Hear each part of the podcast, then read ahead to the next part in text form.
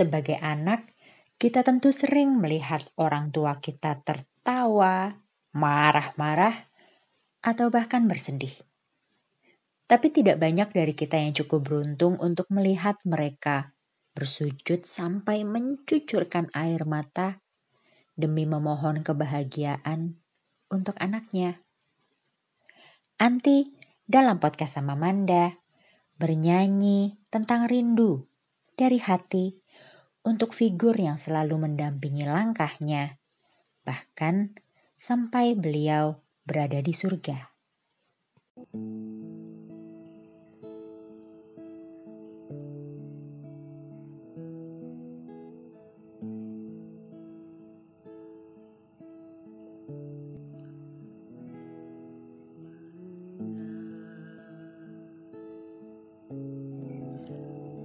Lamat-lamat alunan lagu ayah terdengar dan membawa semua kenangan juga kerinduanku pada papi. Dengan gitarnya, papi menyanyikan lagu ini di beberapa kesempatan acara keluarga di masa itu. Dan saat ini, lagu yang sama sering aku nyanyikan di acara keluarga kita, pap.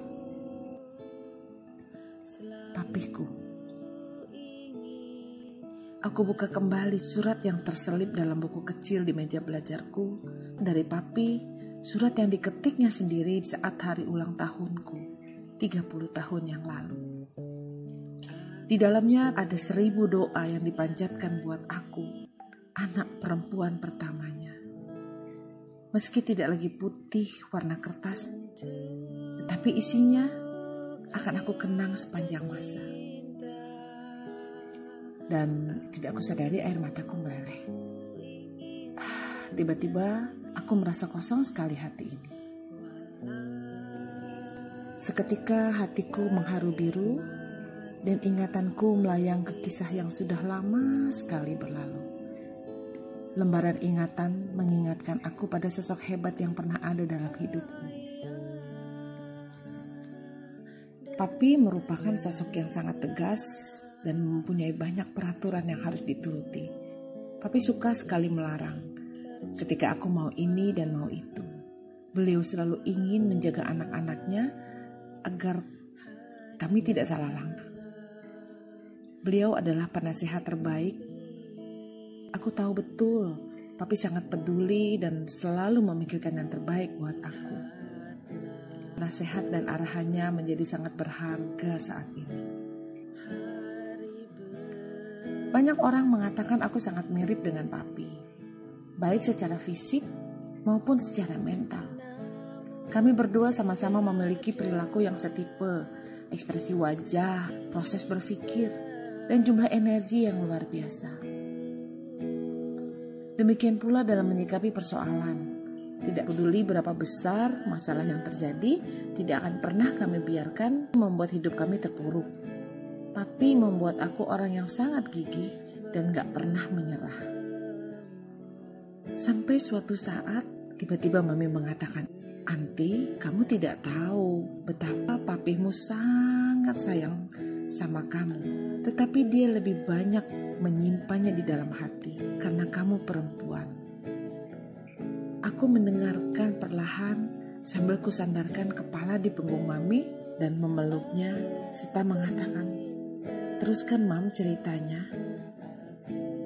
Papi bersujud dan berdoa untukmu Anti. Air matanya membasuh sejadah. Dia memohon agar Allah melimpahkan kebahagiaan dalam hidupmu. Sekiranya engkau dilimpahkan kenikmatan, dia mohon agar tidak membuatmu lupa berzikir kepadanya. Kepergian papi di tahun 2005 menjadi titik awal perubahan hidup aku. Melepas kepergiannya dalam pelukan, membisikkan kalimatullah sampai hilang ruh dari raganya. Subhanallah, terasa lepas jiwa dari raga ini. Inna lillahi wa inna ilahi roji'un.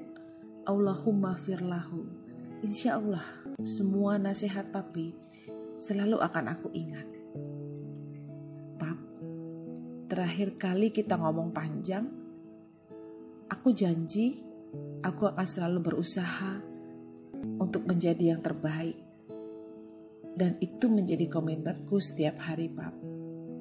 I miss you so much.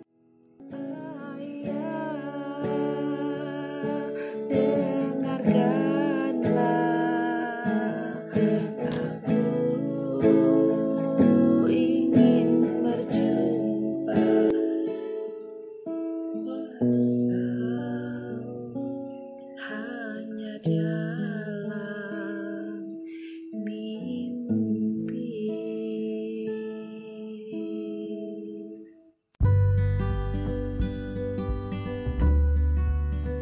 lagi terima kasih telah berbagi kisah nyata yang muncul pertama dalam benakmu tentang relasi manusia. Podcast sama Manda mengajak mengurai rasa menjadi makna.